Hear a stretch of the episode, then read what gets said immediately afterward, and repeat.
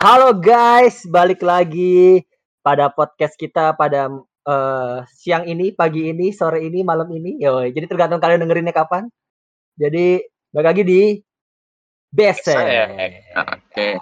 Kemarin kita udah bahas yang episode 2-nya, kita bahas tentang tips-tips tentang bagaimana sih biar nggak bosen di rumah. WFA, terus apalagi school from home. school school from home terus Yo, atau iya. home alone ya Yo, belajar iya, gitu Yo, nah kayaknya ini episode 3 ini kita agak spesial lebih spesial pembahasannya. Ya tetap sih tentang pandemi juga karena kan lagi hangat-hangatnya hot-hotnya hangat-hangatnya tahu gejrot apa tahu gejrot ya? Nah tahu tahu dadak dong? Tahu bulat dong? Kok kok tahu gejrot anjing? Saya bisa tahu bulat yang dadakan Ya kan siapa tahu tahu gejrot pakai tahu bulat kan? Iya, yeah, ya kali. Tapi abang-abangnya bosnya bawa kompor, udah bawa game bola udah berat anjir. Lagi bawa kompor. Nyusahin hidup lu. Oke, okay, Ci, baik lagi Ci, lu ngalor gitu udah jatuh jebas tahu gejrot kan. Jadi kita pada mal, pada uh, kesempatan kali ini episode 3 ini kita bakal bakalan sedikit ngasih edukasi lah kira-kira lah. Sedikit edukasi dan sedikit pandangan dari seorang yang menurut gue nih wah ini spesial banget nih Ci kita datangin ini. Jauh-jauh Ci diimpor nih Ci. Oh, iya. dari okay. Cilincing wah. Cilincing aduh. aduh siapa tuh Jar? Siapa Jar? Siapa uh, Jar? Siapa jadi uh, eh, gue undang nih temen gue temen SMA gue sekarang doi uh, tugas di puskesmas di Cilincing. Uh, uh, Mana nih Bu Dokter Wiryanti Ambarita? Yo, yo. Halo Bu Dok, selamat malam. Halo semua. Hai. Halo. Bu Dok. Uh, uh, Kak, nanya dong Bu Dok nih, di Ambarita. Nah, Bu Dok, uh, uh, kegiatan sehari-hari ini apa aja sih Bu Dok? Boleh, boleh betul. Apa masih seperti biasa sebelum-sebelumnya? Atau ada yang beda? Seperti biasa bahkan bertambah deh kayaknya kayak job-job tuh sekarang makin banyak asik gitu. Asik. Waduh. Dokter ada job offline nih ya. Dokter ada job offline ya. Offline ada online gitu ya. ada. Kan online nih. Online itu pakai handphone biasanya kan. Men mm -hmm. apa, apa aku tuh ngejalanin konsultasi online juga. Mm -hmm. Nah offline ya itu ke puskesmas, ke klinik gitu. Jadi makin banyak deh pokoknya di tengah pandemi ini baik offline maupun online. Nah, uh, lo sendiri sih apa Budok lo sendiri uh, selama pandemi ini kan berarti udah kira-kira udah, udah hampir satu bulan setengah ya kita ya. Iya kalo, iya. Kalau dari pasien 01 itu, nah selama pandemi ini lo udah nemuin gak sih uh, di puskesmas lo itu yang positif atau yang ini? Banyak. Uh, wadah. Banyak setiap hari pasti ada. Wih, separah itu ya berarti ya. Separah itu kita tuh sekarang udah local transmission jadi emang antar manusia di kota ini itu hmm. udah saling menularkan gitu. Hmm. Oke. Okay. Menularkan ya. Banyak, gila, banyak banget gila, dan gila. yang Iya dan yang paling banyak itu sebenarnya yang nggak ada gejala, yang nggak ada gejala apa pun tapi dia bisa nularin ke orang lain. Itu yang terbanyak dari populasi. Hmm. Makanya kita sekarang disuruh physical distancing ya. Itu karena tujuannya untuk mengurangi local transmission itu. Gue lebih setuju terminologinya physical distancing bukan social distancing. Hmm. kenapa? Kenapa tuh bu dokter? Karena karena sebenarnya masalah terminologi aja sih. Cuma kalau menurut gue itu sesuatu dua hal yang sangat berbeda. Hmm. beda banget. Physical distancing itu kan jarak fisik ya. Jadi memang fisik kita yang berjauhan. Hmm. ya kan tapi kalau social distancing, uh-huh. ya kita manusia, kita makhluk sosial, jadi nggak mungkin kita social distancing. Ngerti gak maksud lo? Paham, paham, oh, paham. Nah, nah gitu loh. Jadi sebenarnya masalah terminologi aja. Cuma kalau gue lebih suka pakai istilahnya tuh sekarang physical distancing. Gitu. Iya, jadi makanya kita disuruh physical distancing itu tujuannya untuk uh, mengurangi lokal transmission itu sekarang. Oke, okay. uh, eh, sebenarnya nih kita kan kalau gue dan Paci ini kan orang awam nih, nggak tahu sebenarnya itu COVID itu apa dan COVID itu gimana gitu. Nah, sebenarnya ya. si, si COVID ini sendiri tuh apa sih, Budok? Oke, okay. jadi balik lagi ke terminologi ya. Jadi ini yang sering hmm. salah nih, orang tuh sering bilang kalau COVID itu adalah virusnya, padahal itu adalah suatu terminologi yang salah. Kalau hmm. kita ngomongin COVID itu berarti kita ngomongin penyakitnya. Ya, karena COVID itu singkatan dari coronavirus coronavirus disease. disease. Ya, jadi kalau kita ngomongin COVID berarti itu ngomongin penyakit. 19-nya tuh apa? 19 itu tahun ditemukannya pertama kali. Oh. Desember 2019. Baru tahu gua. Makan makanya. Lalu itu tuh orang tuh bilang, eh hati-hati ada covid ada covid maksudnya itu virusnya oh. padahal kan nah sebenarnya oh. covid itu penyakitnya bukan penyakitnya. virusnya nah Dan si kan virusnya berarti Nah, kalau virusnya itu nama resmi dari WHO itu adalah SARS-CoV-2. Oh, SARS. Oh, berarti masih oh, masih ya. masih masih sejenis SARS yang sebelum-sebelumnya kayak yes. Tapi kayak SARS itu burung gitu kan ya. SARS juga kalau nggak salah ya. SARS itu nenek moyang nenek moyangnya si SARS-CoV-2 ini. Oh. Gitu. SARS itu ya, siapa sih? SARS itu siapa? Berarti masih satu keluarga sama flu burung gitu kali ya? Man. Flu burung, uh, flu burung juga kalau SARS dan MERS itu satu ini satu tipe satu, satu nenek moyang oh. lah istilahnya, beda hmm. subtipenya gitu. Hmm, oh sih, sih, sih, Gitu. Nah, jadi kalau kita ngomong virusnya itu sebenarnya hmm. terminologi yang benar itu adalah SARS-CoV-2. Jadi ya awas hati-hati ada SARS-CoV-2 gitu yang benar ya, bukan oh. Awas ada COVID, COVID, ah, ada COVID. Oh, Oke. Okay. Salah, salah. jadi itu penyakitnya. Ya? Oke, siap. Iya, COVID itu penyakitnya. Tapi okay, kalau siap. virusnya SARS-CoV-2 atau novel coronavirus itu sama aja sih. SARS-CoV-2 hmm. atau novel coronavirus. Nah, sekarang kan kita uh, penyakit kan banyak dari bakteri dan dari apa pun itu ya. Nah, yang iya. membedakan ya. bakteri dan virus itu apa? Maksudnya dari apanya? Dari strukturnya, dari gejalanya, dari banyak hal. Mau ngetolnya dari apanya? Kalau uh, dari strukturnya dulu deh.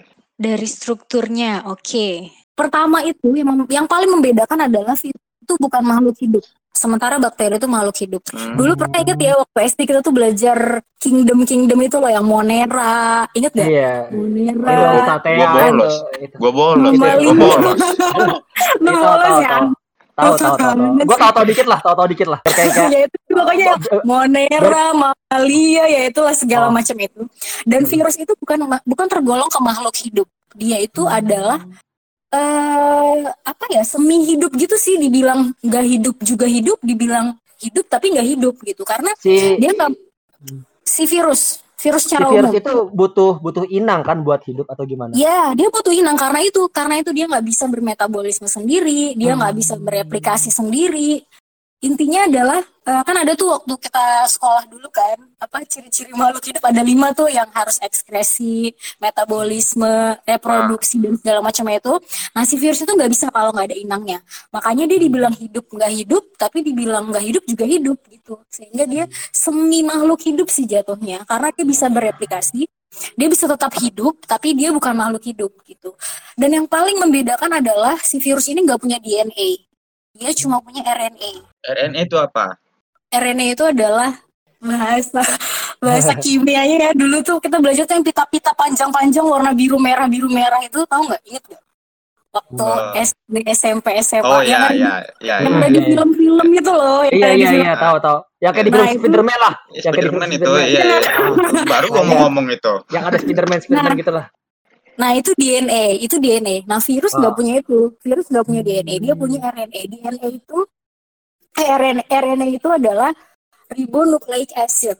Kepanjangannya dari ribonucleic nucleic acid, di mana itu adalah pita-pita yang berfungsi untuk bereplikasi uh, si virus itu gitu. Karena dia kan nggak bisa berkembang biak kayak manusia kan. Manusia kan berkembang biaknya ya dengan cara reproduksi. Makhluk hidup pada umumnya berkembang biak dengan cara reproduksi. Tapi kalau si virus ini karena dia nggak punya DNA tadi, dia hanya bisa bereplikasi dengan RNA lagi gitu. Itu pertama yang membedakan. Si virus ini bukan makhluk hidup, sedangkan bakteri itu makhluk hidup. Satu lagi sebenarnya ada sih yang paling sering menyebabkan infeksi itu parasit. Parasit itu kayak kutu, tungam, hmm. yang gitu-gitu. Nah, wow. tiga hal itu. Oh, satu lagi jamur. Jadi infeksi sebenarnya ada empat. Ada virus, bakteri, parasit, dan jamur gitu. Yang tiga yang tiga selain virus itu adalah makhluk hidup. Hmm. Cuma si virus doang yang bukan makhluk hidup. Oke. Okay gitu. Baik lagi nih ke COVID nih, Wah, Budok. Uh, sebenarnya tuh uh, kan tadi kan kita lihat nih uh, si COVID ini kan dari SARS, berarti kan uh, sama seperti flu-flu lainnya dong, kasarannya. Yeah. Maksudnya disebarkan melalui udara segala macam, maksudnya gitu. Dan sebenarnya uh, si COVID ini sebahaya apa sih? Karena atau atau mungkin ada yang lebih bahaya dari sebelum COVID kita kan nggak tahu nih kalau karena kan gue, gue orang awam dan gak mempelajari ilmu kedokteran dan ilmu kedokteran sebelumnya dan sebenarnya itu COVID ini bahaya atau ada yang lebih bahaya daripada COVID sih sebelumnya gitu loh Bu. Oke, okay. uh, eh, gini, jadi dikarenakan virus ini baru, nggak ada satupun orang di dunia ini yang benar-benar paham gimana tentang virus ini. Bahkan profesor yang gelarnya tuh Alayum Gambreng aja tuh dia masih belajar tentang virus ini.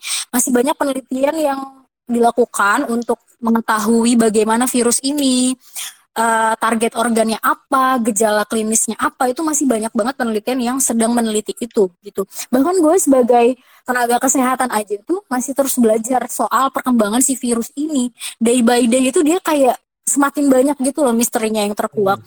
Kayak kemarin kan kita cuma taunya si COVID ini, sorry si SARS-CoV-2 ini ah. Hanya menyerang saluran pernafasan, ya kan? Betul, betul ternyata sekarang sudah ada kasusnya di mana dia menyerang juga sistem pencernaan, terus dia juga menyerang kulit, dia menyerang mata dan menyerang sistem saraf, bahkan terakhir jantung. Yang membuat penyakit ini tuh kesannya membahayakan, mengerikan, menakutkan itu adalah karena pemberitaan sih menurut gua karena kesannya itu apa namanya yang ditonjolin itu yang bahaya-bahayanya gitu loh yang meninggalnya. Iya kasus hmm. positifnya makin hari makin banyak kayak gitu-gitu. Sedangkan yang positifnya kayak misalnya berapa orang yang sembuh terus wilayah-wilayah yang udah zero case itu jarang diekspos. Lebih sering yang diekspos tuh yang jelek-jeleknya gitu. Sehingga itu menimbulkan kepanikan di masyarakat gitu. Nah yang ketiga uh, karena penyakit ini sifatnya itu akut Sedangkan banyak penyakit lain yang sebenarnya angka kematiannya jauh lebih tinggi. Contohnya tuberkulosis, TBC. TBC itu bisa menyebabkan kematian juga. Bahkan dari penelitian yang uh, gue baca itu sekitar 7 sampai 11 orang per jam meninggal karena TBC. Tapi TBC ini kurang terekspos karena penyakitnya itu kronis. Jadi nggak serta-merta meninggal detik itu juga atau dalam jangka waktu yang cepat. Uh, sedangkan si COVID ini dia itu dalam 10 hari aja tuh bisa perburukan. Penyakitnya tuh cepet banget uh, bikin perburukan. Progresivitasnya tuh cepet banget sehingga uh, cepet menimbulkan kematian gitu. Ditambah dengan penyakit ini masih belum ada obatnya masih belum ada vaksinnya dan belum ada satu orang pun di dunia ini yang tahu bagaimana pastinya penyakit ini itu gitu. Penelitian tuh masih terus dilakukan terus dokter-dokter juga masih terus uh, apa namanya belajar untuk penyakit ini sendiri gitu. Sehingga itu yang membuat terkesan bahwa penyakit ini itu berbahaya mengerikan menakutkan seperti itu. Atau gini uh, eh, gue pengen nanya sini uh, ini cuman kayak gue sliver sliver apa bener kayak yang salah satu yang membuat ini bahaya juga adalah dia juga ikut menyerang? Kan kayak uh, penyakit bawaan kita misalkan kayak uh, gue punya penyakit asma gue kena covid gitu jadi asma gue jadi makin parah atau gimana atau gitu atau iya. bener gak sih Iya pastinya, pastinya, pastinya penyakit yang udah ada di dalam tubuh kita sebelumnya atau biasa disebut komorbid kalau dalam istilah medis itu bisa mempengaruhi progresivitas penyakit ini. Jadi istilahnya gini, hmm. kalau misalnya kita punya penyakit penyerta sebelumnya, sebelum kita terkena COVID, itu otomatis kan daya tahan tubuh kita kan tidak sebaik orang yang tidak ada sakit apa pun sebelumnya Betul. sehingga ketika daya tahan tubuh kita kurang baik uh, atau di bawah dari rata-rata karena kita punya penyakit lain yang menyertai itu otomatis lebih mudah terkena dan efeknya atau impactnya itu lebih berat dibandingkan kita yang tidak punya penyakit penyerta lainnya gitu hmm. pastinya gitu dan mayoritas itu yang kena itu ya orang tua lanjut usia hmm. karena mereka sudah ada penyakit penyerta lainnya yang paling sering itu adalah darah tinggi dan uh, gula, sakit gula gitu. Dan juga penyakit paru kronis lainnya seperti TBC atau tuberkulosis, kemudian asma, penyakit paru obstruksi kronis atau PPOK. Uh, jadi intinya tuh kalau yang gue tangkap ini sebenarnya nih uh, COVID itu sebenarnya uh, yang buat dia bahaya adalah karena dia itu masih pertama belum tahu obat pastinya apa dan belum iya, tahu gimana masih baru. Iya, hmm. belum tahu gimana cara perkembangannya karena uh, yang gua karena kan gue beberapa juga bela, uh, kali ini kan belajar ini juga ya. Uh, dia itu karena sistem imun tubuh kita tuh masih belum mengenali ini apa bener gak sih? Kasarannya seperti Iya, sebenarnya kalau kita belum pernah kena penyakit apa pun misalnya nih, hmm. nggak cuma COVID ya, misalnya lu belum pernah kena cacar air, oh. otomatis sistem imun lo akan mengenali itu dulu semua penyakit baik itu bakteri, virus, jamur atau parasit. Kalau kita belum hmm. pernah kenal sama dia sebelumnya sih berusaha kenalin dulu gitu. Iya. Belum ada oh. obat dan belum ada vaksin juga. Hmm, gitu. Jadi itu jadi itu yang ngebuat kenapa virus ini jadi ter, terkesan kayak terkesan uh, uh, iya. Maksudnya yes. kayak terkesan ini kan kayak agak iya. agak lama begitu dan kita juga udah kurang lebih hampir tiga bulan ini kan dari Desember tiga bulan empat bulan hampir lima bulan lah hampir setengah tahun kita iya ngadepin nah sebenarnya sebenarnya sering juga nih banyak yang nanya sama gue kayak e, ini bisa nggak ya berakhir ini kayak bakal berakhir nggak ya kayak gitu hmm. nah gue tuh bersadur pada dulu tuh kita loh kena wabah-wabah kayak gini sebelumnya contohnya yang paling yang paling banyak menewaskan orang itu adalah flu Spanyol. Pernah dengar nggak tahun 19 sekian waktu pernah. pas Perang Dunia Pertama? Hmm, iya, itu flu Spanyol itu lebih parah loh dari iya sedang hmm. Perang Dunia. Bayangin aja Perang Dunia terus ngurusin wabah ginian lagi. Makanya uh, dulu tuh sempat menewaskan sepertiga populasi dunia. Bayangin aja sepertiga hmm. populasi dunia. Ya kan, itu parah hmm. banget udah kayak Thanos tuh gak sih? Kayak hmm. Thanos menjentikan jarinya kayak udah oh, hilang iya. penduduk dunia. Ya, jadi mungkin Thanos terinspirasi dari flu Spanyol. Iya. dari flu Spanyol. Apa jangan-jangan sekarang ini Thanos juga lagi menjentikan jarinya ya sehingga udah. Tapi kan gini loh. Uh, yang gue lihat dari data-data karena uh, dari Cina nya sendiri ya maksudnya dari di mana tempat virus ini berasal itu aja angka kesembuhannya aja udah hampir gede banget gitu. Udah sekarang aja yeah. di Cina aja uh, yang gue data terakhir, gue lihat dia itu yang terjangkit itu sekitar 90 ribu 80 ribuan. Tapi yang mm -hmm. sembuh yang sembuh itu udah hampir 70 yeah. ribuan dan yang mati ribuan. Gak, Bener. gak banyak gitu loh. Dan berarti uh, sebenarnya tuh penyakit ini tuh nggak terlalu parah ya kalau kalau kalau logika gue gitu. Karena yeah. apa? Karena ya karena gimana lagi sih Pak? Baik lagi ke pemerintahnya gimana? Dan dan gimana cara menyikapi itu kan? Buktinya Cina aja bisa sembuhnya banyak gitu loh. Kenapa kita enggak? Kenapa Amerika enggak? Kenapa yang lain tuh enggak bisa gitu loh? Bener gak sih? Apa salah? Gue gue ya. sebagai orang awam nih. Oke okay, oke okay, oke okay, gini ini ya. jadi gue tuh pernah nanya ke teman-teman gue sesama dokter juga yang ada di negara-negara terdampak yang paling tinggi nih sekarang Amerika, hmm. Jermani sama Itali. Amerika, Jermani, Italia dan Spanyol dan Spain. Hmm. Itu menurut mereka yang menyebabkan angka uh, angkanya di sana tinggi itu adalah karena awalnya itu masyarakat tuh susah disuruh physical distancing sama kayak masyarakat kita ngeyel. Jadi nggak cuma kita doang yang ngeyel ya guys. Mereka-mereka tuh juga ngeyel pada awalnya. Nah, jadi kelompok umur yang terbanyak terkena COVID ini adalah kelompok umur 20 sampai 30 tahun, yaitu muda-mudi ya. Mereka ini juga yang susah kalau disuruh physical distancing gitu. Makanya ketika jumlah kasusnya membludak, sedangkan kapasitas rumah sakit terbatas sehingga lebih banyak yang terdampak dan meningkatkan angka kematian gitu. Oke.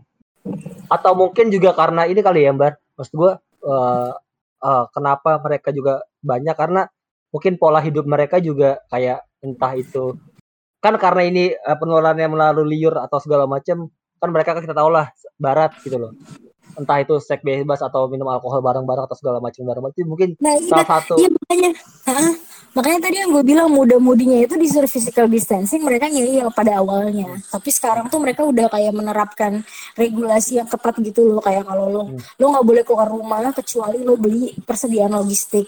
Kalau lo keluar rumah uh, harus izin dulu sama aparatnya gitu jadi kayak banyak aparat yang standby di jalanan gitu loh. Kalau mereka sekarang udah kayak gitu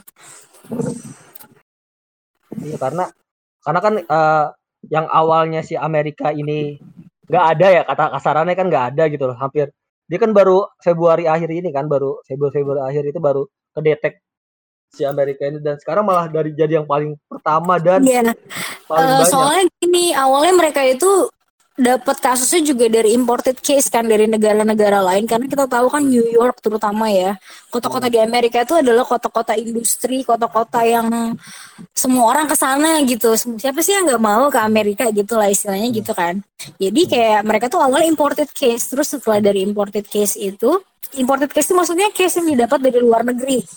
Kayak dari Cina dari negara-negara lain pokoknya terus kemudian setelah uh, apa namanya imported case itu dia menularkan ke orang lokal sehingga terjadi local transmission dan ditambah dengan pada awalnya mereka semua ngeyel gitu nggak mau dibilangin terutama yang muda-mudinya itu. Mereka nggak melakukan physical distancing pada awalnya sehingga ya gitu. Sekarang uh, kasusnya paling banyak ya Amerika, Italia, Spanyol, Jerman kayak gitu. Oke, uh, mungkin uh, sebagai penutup gitu maksudnya, maksudnya sebagai kata terakhir kita kan tadi kan udah bahas masalah penyakit segala macamnya. Gue pengen tahu dong, mm -hmm. secara kita buat mencegah nih, kan gue lagi sehat nih, gue alangkah baiknya Yakin apa? sehat. ah, itu dia nih, gue lagi zona merah juga nih. Gue zona merah juga nih masalahnya nih. Asal lo tau, gue tuh pernah uh, ini uh, baca, eh dengar dari seorang profesor di Harvard, dia tuh bilang hmm. bahwa anggaplah kita semua itu udah kena. Anggaplah kita semua itu udah kena sehingga kita lebih aware terhadap diri kita sendiri dan terhadap orang lain. Jadi beliau tuh suruh, menyuruh kita bahwa anggap aja kita udah kena karena kita di red zone pertama.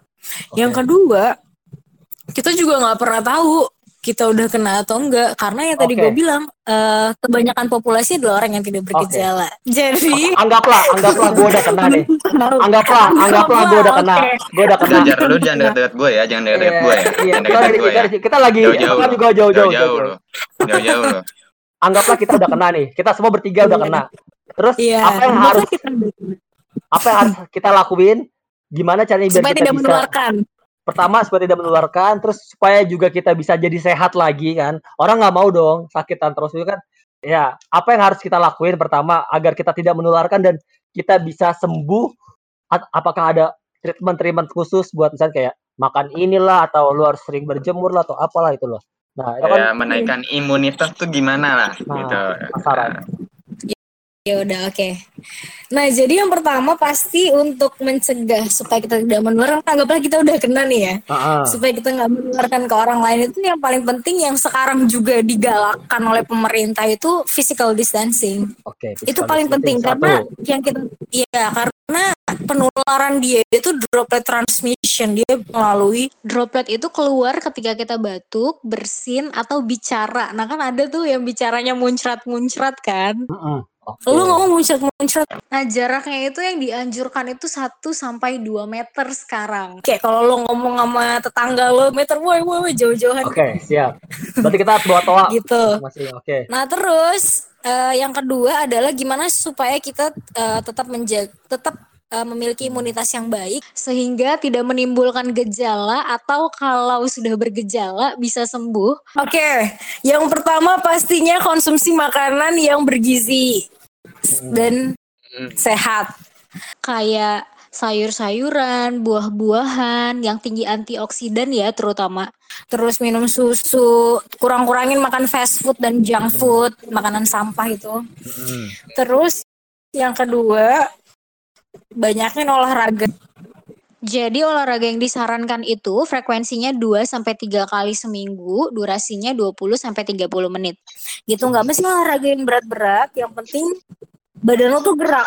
Dan beda ya olahraga dengan aktivitas fisik. Jadi kan kayak banyak tuh yang bilang oh aku tiap hari udah nyuci gosok, ngepel, nyapu, itu bukan olahraga, itu aktivitas yeah. fisik. Jadi olahraga tuh emang yang lo niatkan untuk kebugaran lo dan lo tuh senang ketika lo lagi olahraga gitu. Jadi beda olahraga dengan aktivitas fisik. Selain makan dan olahraga, yang pastinya adalah lo harus terus menjaga pikiran lo supaya tetap positive thinking sehingga nggak menimbulkan stres, nggak depresi, nggak panik sehingga bagus buat imunitas lo gitu. Terima kasih nih si siapa Budok Budok, Budok Ambar, Oke, udah oh, ngasih iya. info-info yang cukup detail banget ya. Detail banget detail banget. Dari kita... A sampai Z dari sampai zaman SD juga kita mengingatkan lagi apa tuh apa sih namanya RNA dan DNA itu gue bolos oke okay, semoga diberi kesehatan terus ya Budok buat jalanin kalian juga ya. okay. Stay buat teman-teman ya. Oke, Bu Dok, dokter juga. Bu dokter juga yang uh, di garda depan kita doakan semua tetap sehat biar kita semua Amin. bisa Amin, amin, amin. Bisa jalan-jalan lagi lah intinya lah. Kita nggak perlu aware lagi dengan masalah. Amin. Amin, amin, amin. Oke, terima kasih. Sampai jumpa kasih. di episode selanjutnya di besek. Oke. Besek. Bye -bye. Apa, apa? Dadah semua. Bye bye bye bye.